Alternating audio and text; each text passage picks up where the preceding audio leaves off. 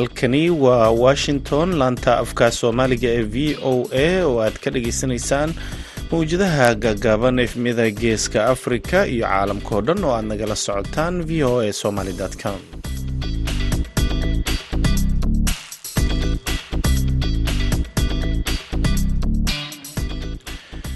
duhur wanaagsan dhegaystayaal. Waa maalin sabti ah siddeed iyo labaatanka bisha janaayo sanadka laba kun iyo saddex iyo labaatanka. Afrikada bari saacaddu waxay tilmaamaysaa kowdii iyo barkii duhurnimo. Idaacadda dhallinyarada maantana waxaa idinla socodsiinaya anigoo ah cabdulqaadir maxamed samakaab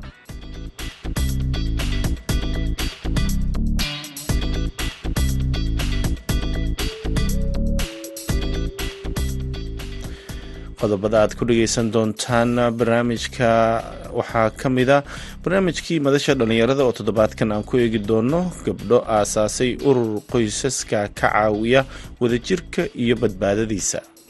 Markii la arkay dhibaatooyinka fara badan ee bulshadeena haysata hadday tahay qoysas fara badan oo tafaraaruq dhex yaallo hadday tahay dhallinyaro fara badan oo dhibaatooyinka iyo caqabadaha nolosha aan la tacaalayn oo soo wajahda oo isdilaya oo tahriibaya haddii ay tahay qoysas fara oo dhaqaale la'aan iyo ay soo darsayso inay nolosha ka dhaceen. Marka bulshadeennii hadday intaa ku socoto waxaa ku dambayn doonaa inay qoysaskii hadduu mar baabade qarankuna uu baabi'i doonaa ciyaarihii iyo kaalmihii heesaha ayaad sidoo kale ku maqli doontaan idaacaddeenna duhurnimo balse intaasoo dhan waxaa ka horreeya warkii dunida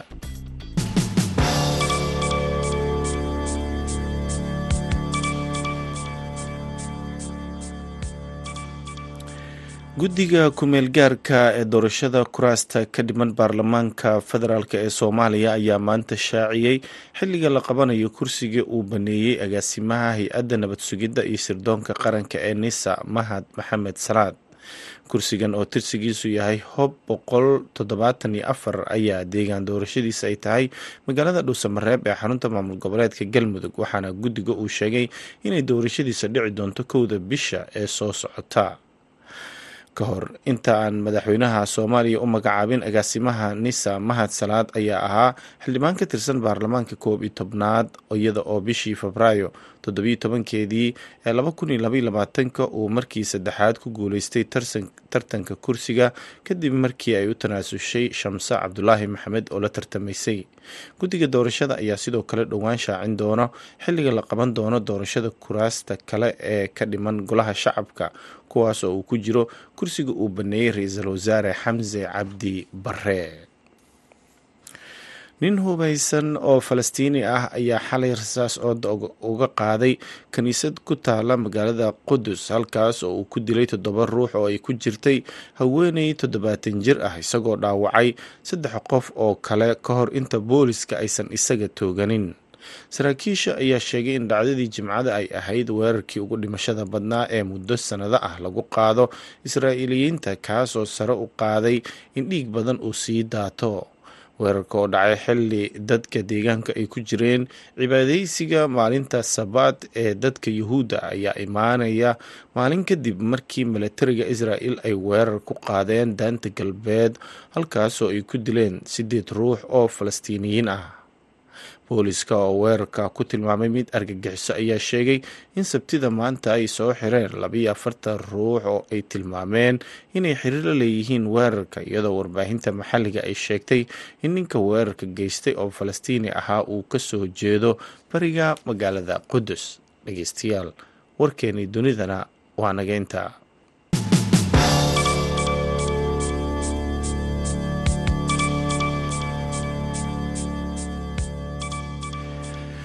halkaad warkaasi ka dhageysanayseen waa idaacadda v o a oo idinkaga imaaneysa washington. Duhur wanaagsan mar kale dhegeystayaal haddana waxaad ku soo dhowaataan barnaamijkii madasha dhallinyarada waxaana soo diyaariyey haashim sheekh cumar good oo nooga soo diray boorama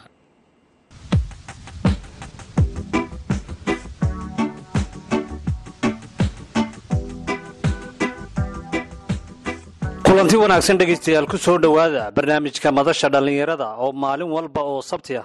Aad hadahan oo kale ka dhagaysataan idaacadda duhurnimo ee barnaamijka dhallinyarada maanta ee laanta afka soomaaliga ee v o a. Barnaamijkeenna madasha dhallinyarada ee toddobaadkan oo ay marti inoogu yihiin laba gabdhood oo kale ah hodan rooble xasan oo ah macalimad wax ka dhigta dugsiyada sare ee boorama iyo hibe daahir xuseen oo iyaduna ka mida gabdhaha ka soo baxay jaamacadaha sharciga bartayna xalinta iyo khilaafaadka. Waxaan barnaamijkeenna madasha dhallinyarada ee toddobaadkan kaga hadli doonaa xarun cusub oo ay asaaseen sannad ka hor gabdhahani oo la yidhaahdo xarunta qoyskaabe. Ugu horreyn waxaan weydiiyey hodan rooble xasan bal waxyaabaha ay qabato xarunta qoyskaabe. Xarunta qoyskaabe horta waxaa loo aasaasay ama loo sameeyey ujeedooyinka ugu waaweyn waxa weeyaan markii la arkay dhibaatooyinka fara badan ee bulshadeena haysata hadday tahay qoysas fara badan oo tafaraaruq dhex yaallo hadday tahay dhallinyaro fara badan oo dhibaatooyinka iyo caqabadaha nolosha aan la tacaalayn oo aan soo wajahda oo isdilaya oo tahriibaya haddii ay tahay qoysas fara badan oo dhaqaalo la'aan iyo ay soo darsayso inay noloshii ka dhaceen. Marka bulshadeennii hadday intaa ku sii socoto waxaa ku dambayn doonaa inay qoysaskii hadduu mar baaba de qarankuna uu baabi'i doonaa oo bulsho dhan baa oo noqonaysa bulsho iska nooloon. Marka waxaan u aasaasanay in la nooleeyo qoysaska la kaabo. Kaabiddu waxa weeyaan qoyskii in laga kaabo yacni waxyaabaha ay xarunta qabatoo kale ka oon ku sheegi doonaa insha allah. Marka in la koobo oo la hagaajiyo qoyskii muslimka ahaa. Dadka xaruntan sameeyey qoyskaab intay ka kooban yihiin horta asaasayaasha ururka asalkiisii hore waa laba hablood. Waa walaala hibo waa garyaqaan hibo daayir xuseen iyo anigoo ah doctor hodan rooble xasan oo ka baxay farmasisti hibo waxay ka takhasustay markaygii hore waxay ka baxday shareecada lowga ama loo yaqaano sharciga jaamacadda camuu digriga master waxay ka qaadatay ela university oo xalinta khilaafaadka qoyska ah toos ayay u qaadatay. Anigu waxaan ka baxay markaygii ugu horreysay education. Educationkii waan ka ergadiis rogto caafimaad baan u wareegay. Waxaan ka baxay bachelor of pharmacy. Kadib mastertaydii waxaan ku baxay public health and nutrition. Runtii waxaanu iskugu kaay keenayna waa dan aan aragnay dhibaatada taagan. Labadayadaa horta aasaasayaasha saxda ah. Way jiraan dad nala howlgala oo nagala qayb qaata oo bulshada rol modelkeego dhan casharada way nala bixiyaan. Hadday culimo tahay hadday tababarayaal tahay hadday dadka social activitistiga ay yihiin way nagala qayb qaataan xaqiiqatan. Aad baanu ugu mahadnaqaynaa barnaamijyo fara badanna rajaynaa inaan ka qabanayno iminka oo soo socda. Waxaa noogu qoondaysan dadka nala qabanaya waa dadkeena un bulshada. Marka way nala leeyihiin exactly laakiin aasaaska iyo fikirka iyo samaynta iyo isku dabaridkaba horta labadeedaabaa wata ay ugu weyn tahay ugu horeyso walaalahiibo iyadoo takhasuskii qoyska iskale oon la diyaarinayay oon la ogaa oon arkayay maadaama welibna ka howlgasho oy ka shaqayso arrimaha qoyska aniguna aan muddo ilaa koob toban sanaa wasaaradda waxbarashada ka soo shaqaynayay tababarada dhallinyarta iyo kobcinta aqoontooda iyo noloshooda. Sidaa khibrad baanay keentay. Sidoo kale waxaa barnaamijkeena inagala qayb qaadanayay hibe daahir xuseen oo ah qareen kana mid a aasaasayaasha ururkan qoyskaab. Waxyaabaha aad qabateen ilaa iyo hadda muddadii ay asaasnayd xaruntani maxaa ka mid a xarunta horta aasaaskeygii iyadoo laga jooga sanad uun iyo xooga yar. Waxaa la aasaasay sannadkii kii bishii labaad ayaa aasaaskeygii saxdaha ahaa. Ilaa hadda waxaan ka joognaa sanad iyo afar bilood. Sanad afarkaa bilood wuxuu ilaahay nagu guuleeyey inaan wacyigelin u fidino qoysas gaadhaya ilaa iyo laba boqol iyo soddon qoys oo wacyigelin toosa oo hooyooyinkii oo kale iyo aabbayaashii aan hablihii inamadii aan toos ugu gudbinay. Sidoo kale ilaa iyo afar iskuul oo iskuullada boorama ka howlgala dugsiyada sare weliba aan u samaynay tababaro dhallinyarta waxaanu markaa tababarada aan ugu sameynaynay yani tababaro fahansiin ah horta qoysku muxuu yahay ayaa ilaa iminka noo soo hirgalay noona fiicnaaday. Tababaro gaara oo hooyooyin gaara ayaa sidoo kale noogu hirgalay ilaa shan iyo toban dumar ah oo si khaasa oo hooyooyinha oo aan tayeynayna ayaanu markaa u tababar u samaynay sida dhaqaale samaynta waxyaabaha xanuunada kala gudbaa sidoo kale waxaan u samaynay yani qoyskooga iyo ciyaalka tarbiyeyntooda ama siday u ilaalinayaan. Marka maasha allah guuluhu way iska farabadayin wayna isdaba socdaan. Insha allah weli weli kowma joogna laakiin waxaan is leeyahay xaruntu waxay samaysay weli laba ilaa saddex beersantii hawshii ay ugu talagashay inay qabato. Waxyaabaha ad is leedihiin nolosha qoysaska waad ka bedeli kartaan. Xaruntiinan qoyskaabe. Marka aad talo iyo tababaro iyo waxyaaba noocaas aad siisaan maxaa ka mid a xarunta koleyba horta waxay u joogtaa afar qodob oo waaweyn. Ayay insha allah bulshadaan rajaynaynaa inay ka bedesho ama ay ka qabato. Xarunta kow waxay u joogtaa inay bixiso tababaro tababarada ay u bixin doonto afar geesood ama afar dhan ay u bixin doonto. Oo u bixin doonto waalid dhallinyar iyo ay u bixin doonto yacni bulshada rool moodhoolkeega ama dadka ka howlgala bulshada ee cadcad. Oo markaa aanan kale lahayn mansab aanan kale lahayn magac laakiin la rabo inuu qof walba ka qayb qaato si bulshadii isku bedel saxa u yeelato. Waxay samaysaa la talin taasoo ah dadkii ay soo wajahaan caqabado weliba siiba dhallinyarta.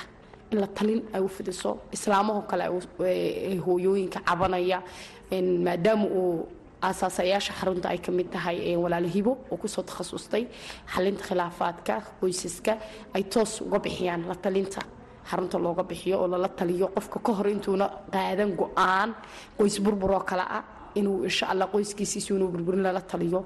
Mayana intuuna tallaabo isbeddel noloshiisa uuna kula kicin lala taliyo. Sidoo kale xaruntu waxay samaysaa tayeyn. Tayeyn oo ah qoyskii horreeri iskaba jiray ee wanaagsanaa ama fiicnaa ee dhammaystirnaa ee maasha allah dhaqaale iyo isfahanba u dhammaystiran yahay in lagu tayeeyo halkaa ay taagan yihiin oo halkaa ku joogin. Laakiin la kobciyo oo reerihii fiicnaa aan fiicnidoodii xoojino. Sidoo kale xaruntu waxay samaysaa barashada xalinta khilaafaadka markaa marka la barayo xarinta khilaafaadka waxaa looga dan leeyahay dad fara baa xaalad cadho ku kala tega dad fara baa xaalad cadho isku dila. Dad fara baa xaalad qabatinwaa ama uu xamili waayeen nolosha iyo cidhiidhigeega ay waxay sameeyaan inay xaalado ka duwan ama dhibaato ka weyn ay geystaan.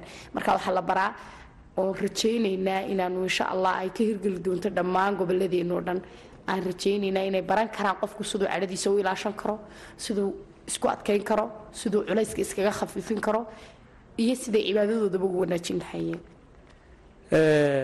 inta badan qoysaska soomaalida iyo dhallinyarada dhibaatada ugu badan ee la soo darista waxaa ka mid a shaqola'aanta shaqola'aanta maxaad ka qaban kartaan waa su'aal muhiima oo weyn weliba oo runtii qodob ka mid a qodobada aan u aasaasayna rabna inuu qoyskiiska bedelo horta waxa weeyaan waxa isweydiin mudan xaruntan maxay talow kaa bedelaysaa inay qoys walba isweydiin karo? Waxaanu rabnaa mustaqbalka dhow. Waad arkaysaa dadka iminka waxay noqdeen dad fadhiya dad social mediagii ragaadiyey dad shaqala-aantii ragaadisay dad aaminaad ay aamineenba inayna ilaa la caawiyo mooyaane iyagu waxba noqon karin. Marka tababarada ugu badan ee siino waxaa ka mid ah say wax u qabsan lahaayeen xaqiiqatan waan u samaynay tababarada aan samaynay waxaa ka mid ahaa hablaha yaryar oo kale siday bal dhaqaale u samaysan lahayeen inamadoo kale siday uga dhaqaaqi lahaayeen halkan ee maanta haddii uu waxaa la inoo keenay joogsado maxaad samayn kartiin? Inamow miyayna hadday isku tagaan waddooyinka samaysan karin? Miyayna hadday isku tagaan beero samaysan karin? Miyayna hadday isku tagaan biyo samaysan karin? Miyayna iyagu dabab dhalalin karin? Miyayna dhulka ka soo saaran karin macdintii waay bay u fadhiyaan marka dadka marka lagu baraarujiyo ee loo sameeyo waxaan rajaynaynaa tababarada aan u samayno inaan lagu sameeyaba oo reediyo soo sameeyaan. Maaha in loo dhigo uun sida iminka jaamacadaheena ka jirto. Waa in dhalinyartii la kaxayn karo kooxo kooxahay soo samaynayaan wax ay ku heshiiyaan ama ay jecel yihiin. Oo iyagu rabaan inay samayn karaan. Nin walba marka uu ka midha dhalin kara gacmihiisa iyo awooddu ilaahay siiyo. Una la fadhiisan una dhiman dee beritwalana marka xaruntu waxay insha alla ka bedeli doontaa. Oo rajaynaynaa inaanu u keeni doono kuwa ku takhasusay. Marka naga caawin doono inay dhallinyartu qacmahooga wax ka qabtaan. Waxa ay ka qabtaanna lagaga iibsado dalka dhexdooda. Waxyaabaha aad tilmaamayso oo dhan wuxuu u baahan yahay dhaqaale. Yaa idin caawinaya xaruntiinnan qoyskaab ee arrimaha aad qabanaysaan. Kaalma idinka siinaya dhaqaale waa run horta su'aashaasi. Waa su'aashana hortaagan ama waaba caqabad weyn. Laakiin xaqiiqatan stil waxaanu samaynaa. Annagu intaasoo dhan wax lacaga cid kamanu qaadan xaqiiqatan weli dowladda ayaa mararka qaarkood aan dee daba orodnaynaa oo na leenahay burusyada loogu talagalay bulshada balbadh naga siiyahay mar kale naga bixiyahay laakiin weli wax caddaana ma hayno laakiin waan rajaynaynaa inay ururo nagala soo qayb qaataan. Waan rajaynaynaa inay bulshaweynta nagala soo qayb qaadato soomaaliyeed ee jecel inay isbedelaan soomaalidu. Oo xaqiiqatan hadday intaasoo sanasa ay nagu soo dhaaftay dee waan jecelnahay inaanu sanadada dambe aynu adduunka ka qayb qaadano inaan dayaxa tegno waan rabnaa inay qoysaskeenu dhismaan qurux badnaadaan bulshadeenu caafimaad maskixiyan iyo caafimaad jir ahaaneedba helaan. Aad baanu jecelnahay. Marka cid kastoo nagala qayb qaadanaysa waan soo dhawaynaynaa nala dhisaysana waan soo dhawaynaynaa dhallinyarada tahriibaysa ee caqabado dhinaca nolosha darteed u tahriibaysa. Maxay idinla qabataan? Siiba kuwa waxbartay ee dugsiyada iyo jaamacadaha sare ka baxa way jirtaa kuwaasi runtii waxaan siinaa wacyigelin. Qaar iskuulladan ku buuqanayba sekandariyada ka baxayoo kale qaar dibaddan kula sheekaysanaa qaar waxaanu ka helnaa heer jaamacadeed markay ka baxaan. Kulley qofka markaad la sheekaysato unbaad fikirka ku jira ogaanaysaa. Dhallinyarta inta ugu badan waxa macnaha caqabaday soo wajahda eenu ka helno een macnaha talabixin ka siinaa waxa ay tahay xirfadii nolosha uu ku wajihi lahaa qofkani ma haysto. Marka xirfad nololeed baan siinaa. Qofkan maanta haddii uu faamiliga ay isku dhacaan waxa uu burburinayaa noloshiisa intii soo jirtay iyo inta uu sugi lahaa. Waad aragtay gabdhaha inta iminka isgubka galo oo kale. Waxaa dhici karta in qof xaafadda ku cadhaysiiyey ama maayna qof ay xidhiidh la lahayd oo kale ay ka cadhootay. Waxayna u burburisay noloshaasoo dhan dhammaystiran cadho yaroo soo wajahday marka qofkaasoo dhallinyartaasoo kale waxaanu tababarnaa ama waxaanu u sheegnaa inay waxani tahay wax la baran karo noloshana ay wax ka mida tahay. Marka dhibaatada nolosha qayb ka mida waa in la bartaa xalkeegii qayb ka mida sidaad u wajihi lahayd sidaan gabdhaha badan eenu la sheekaysaneen asxaabta lanahay iminka aanunu u sheegno. Dhallinyarta iminka soo kabcaysana runtii waxay ku badbaadi karaan inay tahriib iyo dhibaato iyo khamro iyo sine iyo wax kasta kaga badbaadi karaan la saaxiib iyo la sheekaysi. Marka aad qofka la saaxiibto eed la sheekaysateed la fadhiisato waxaad ogaanaysaa runtii waxa isaga maskaxdiisa ka dhex guuxaya. Kabacdigeenna markaasaad bedeli kartaa. Markaan dhallinyartaa la sheekaysano ayaan wixii markaa isbeddel ay u baahan yihiin maskax ahaaneed anu siinaa. Sidaasayna ku wajahaan tababar nololeed ayna nooga mahadnaqaan dhallinyar badan oo iminka nala soo xidhiidho yidhaahdaan. Runtii annagu in badan oon tala siinay ma xasuusan karno laakiin waxay yidhahdaan fikir nuucaasaad isisay dabeedna waan ku guulaystay alxamdulilah dhibaatooyinkaasi aad la kulantaan. Ma diiwaangelisaan faylka ma idinku jira. Kolley waa la diiwaangeliyaa. Caqabadaha ugu badan ee noloshuna waa wax soo noqnoqda. Un kolley maalin walba mashaakil cusub nama soo wajaho laakiin wixii unbaa soo noqnoqda. Wixii maanta dhacay unbaa beri soo noqda. Sababta u soo noqnoqonayaan in waxa weeyaan in macnaha wixii maanta dhacay ana laga daba tegin ama maxay ku dhacday ana laisweydiinin kolley runtii waan diiwaangelinaa. Wax cusubna maaha waa wax soo noqnoqonaya. Daas way diiwaangelin badan ayna u baahnayn. Laakiin ay u baahan tahay uun ka hortag mushkiladan soo noqnoqonaysa. Maxaa lagaga hortagi karaa inaan la nimaadno? Haddaan su'aashaa ku sii darno waynoo diiwaangashay caqabadaha ugu badan. Waxaa ka mid ah caqabadaha ugu badan wayna caddaha guri walna way taallaa. Isfaham la'aan caqabadaha qoyska ugu badan. Istaakulayl la'aan isgargaar la'aan is-ixtiraam la'aan kala dambeyn la'aan. Yacni waxyaabaha ugu badanen aragna waxaa ka mid ah social mediai ama baraha bulshadii ayaa caqabadaha ugu waaweyn iyo soo daraashaa dhaqaalo la'aan ama dhaqaalo yari. Sidoo kale waxqabad la'aan. Isku fiirsad ama isxaasad wax loo yaqaano. Oo aad arkaysa dhallinyartii ama qoysaskiiba inay isku fiirsadaan. Mid walba kulley sharaxiisa dee xaruntaa loo soo doonane laakiin bal mawduuca guudumaa sheegana ama dhibaatooyinka yaalla. Shaqo la'aanta ka mid ah istaakulayn la'aanta ka mid ah. Waxa soo dheer oo intaasoo dhan dheer dowlad la'aanta oo number onka iyaduna oo de wax hagayaa ayna jirin ama hagid la'aan dadkii ay iska socdaan oo bila hagid la'aan. Waxaa ka sii weyn oo kale cibaado la'aan ama cibaado yari xaqiiqatan bulshadeenna iyo qoysaskeenna waxaan ku aragnay oon diiwaangelinay in cibaado yari badan ay soo wajahdo dhalinyar fara badan oon caawinay sidii walaala hibi ka dhawaajisay. Intaas waxaynu ku soo gunaanadaynaa kuna soo gebagabaynaynaa barnaamijkeennii madasha dhallinyarada ee toddobaadkan oo idinkaga imanayay magaalada boorame ee gobolka awdal. Aanan kaga hadlaynay xarunta qoyskaabe iyo waxyaabaha ay qabato. Waxaana marti inoogu ahaa barnaamijkeenna laba gabdhood oo ka mid a gabdhaha ka soo qalinjabiyey jaamacadaha dalka kalena ahaa hodan rooble xasan oo ah macalimad wax ka dhigta dugsiyada sare ee gobolka awdal gaar ahaan magaalada boorama iyo hibe daahir xuseen oo iyaduna baratay sharciga iyo xalinta khilaafaadka. Waxaa barnaamijka idinka soo diyaariyey magaalada boorama anigoo ah haashim sheekh cumar good tan iyo kulantideenna dambe waxaan idinkaga tegayaa dhegaystayaal sidaas iyo nabadgelyo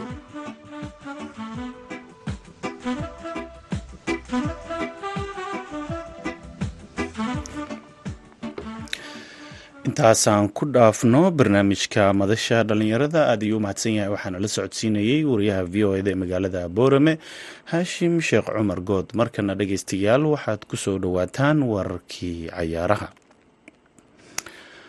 Haddii aan ku horeyno dhinaca dalka ingiriiska labada kooxood ee sanadkan loo arko inay uga awooda badan yihiin gudaha ingiriiska ayaa shalay isku soo aaday labadaas kooxood oo kale ah kooxaha arsenal iyo manchester city kulanka ay isaga horyimaadeen ayaana ahaa wareega saddexaad ee koobka f a kaabka kooxda manchester city oo garoonkeeda la joogay ayaana kulankaasi waxa ay ku badisay gool iyo waxba waxaana goolka u dhaliyay ciyaaryahankooda daafaca oga ciyaara ee ake kaasoo u dhashay dalka netherland kooxda arsenal oo ah tan hogaamineysa horyaalka premier leaga ayaa sanadkan mar keliya laga badiyey waxaana ay ahayd markii ay booqatay kulankii ka tirsanaa horyaalka premier leaga garoonka kooxda manchester united oo saddex iyo laba oga badisay laakiin xalay waxay la kulmeen guuldaradoodii labaad ee xili ciyaareedka kadib markii kooxda tababare beb guardiola ay ka reebtay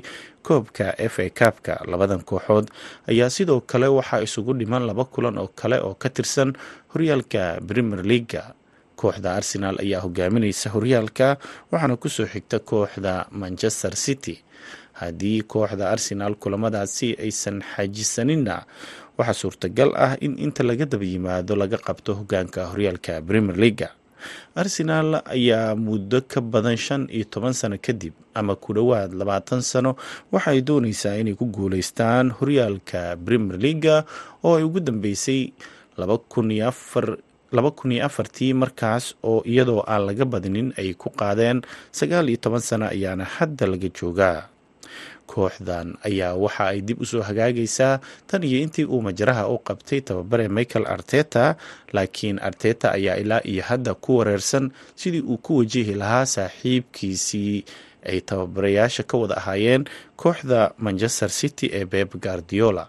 Wax kastoo uu sameeyeyna xaaladda ayaa marba marka ka dambeysa ku sii adkaanaysa marka uu ka hortegayo guardiola laakiin sanadkan ayuu u muuqdaa in markaasi uu ka yar wanaagsan yahay maadaama kulankii shalay fursado badan ay abuureen ayna dhici kartayba inay barbareeyaan.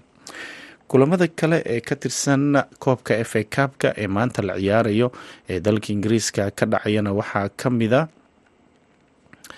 kulanka kooxda leicester city ay la ciyaari doonto walsel blackburn rovers iyo birmingham ayaa isku aadan fulham iyo sunderland ayaa is arkaya ipswich iyo banley ayaa isku aadan halka sheffield wednesday iyo freetown ay isku aadan yihiin southampton iyo blackburn ayaa isku blackpool ayaa isku aadan laakiin xili dambe oo caawa waxaa wada ciyaari doona kooxaha manchester united iyo reading halka kooxda tottenhamna ay martigelin doonto kooxda kale ee briston northford dhinaca dalka sbainna kooxda barcelona ayaa u martineysaa kooxda kale ee kataluniyanka isku yihiin ee khirona labadan kooxood oo ka wada dhisan gobolka kataluuniya ayaana ciyaartooda loo yaqaanaa kataluuniya derby. Barcelona ayaana dooneysa inay guul ka soo gaarto si ay u sii xajistaan hogaanka horyaalka laliga sevilla iyo ilja ayaa isku aadan khitaaf iyo real batisna way isku aadan yihiin dhinaca kale tababarihii hore kooxda chelsea thomas tuhal ayaa waxa uu sheegay inaysan qorshaha ugu jirin in uu majaraha u qabto kooxda tottenham. Warar soo baxaya ayaana sheegaya in maamulka tottenham aysan ku qanacsanayn taatikada iyo weliba habka kooxda uu u maamulayo antonio conte tuhel ayaana waxa uu sheegay in xilligan uusan qorsheynin in uu dib ugu laabto gudaha ingiriiska gaar ahaan kooxda tottenham. Wararka laisla dhexmaraya ayaa sheegaya in tababarahan qorshihiisa ugu weyn ay tahay in midkood uu qabto kooxaha real madrid iyo barcelona iyadoo haddaba la ogaaday inuu baranayo luuqadda isbaanishka taas oo loo fasirtay inuu doonayo in markan marka xiga uu tababare ka noqon doono horyaalka laliiga ee dalka sbain tushal ayaa laga ceeriyey. Kooxda chelsea bilowgii xilli ciyaareedkan kadib markii natiijooyin aan wanaagsanayn uu kala kulmay horyaalka premier leaga iyagoo markaasina qarashgareeyey ku dhowaad milyan oo pound. Aan raahdee tababarahan ayaa kooxda chelsea kula guuleystay koobka horyaalada yurub isagoo kooxda ku sugnaa wax ka yar lix bil laakiinse kooxda chelsea ayaa u sabri weysay wararkeennii ciyaaraha waa nageynta markana waxaad ku soo dhowaataan kaalmihii heesaha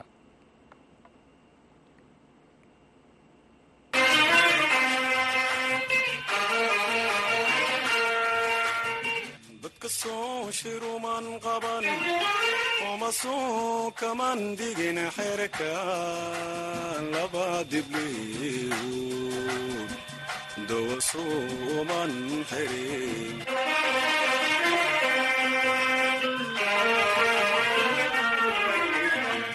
dadka soo shiruman qaban oma soo kaman digin xerka laba dibliw dowasuuman xirin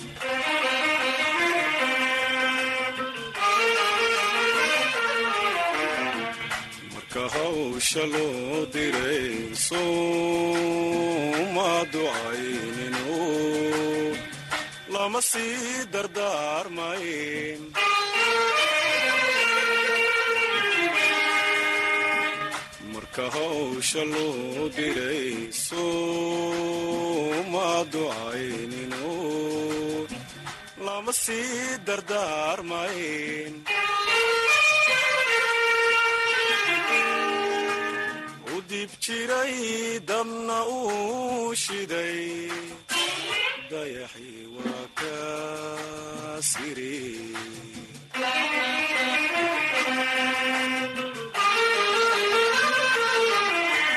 u dib jiray dabna uu shiday dayaxii waa ka siri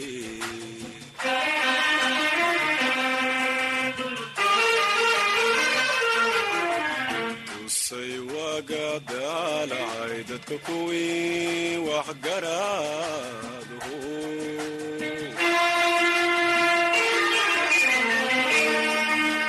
tusay waaga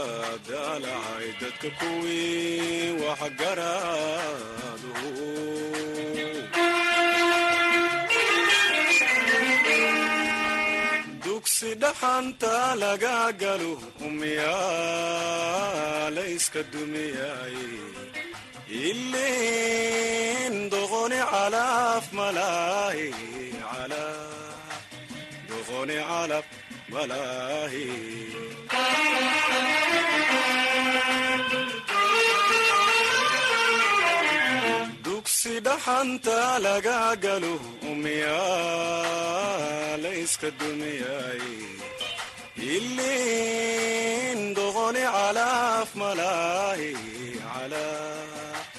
doqoni calaf malaahi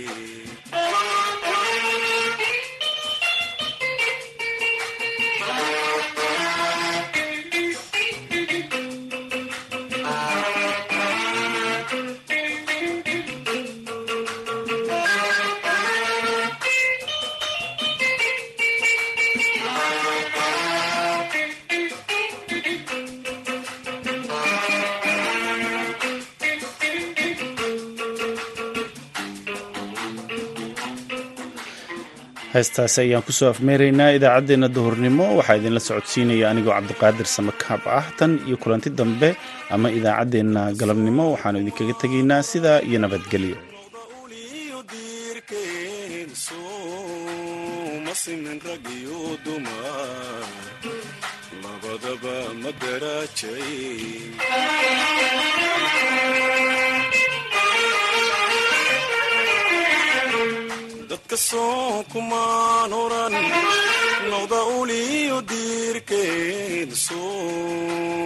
sooma simin rag iyo dumar labadaba ma daraajay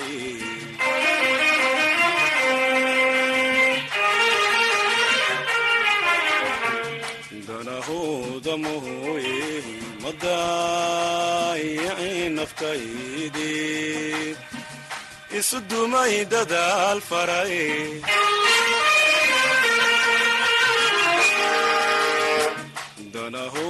danahooda mooye ma daayicin naftaydii isu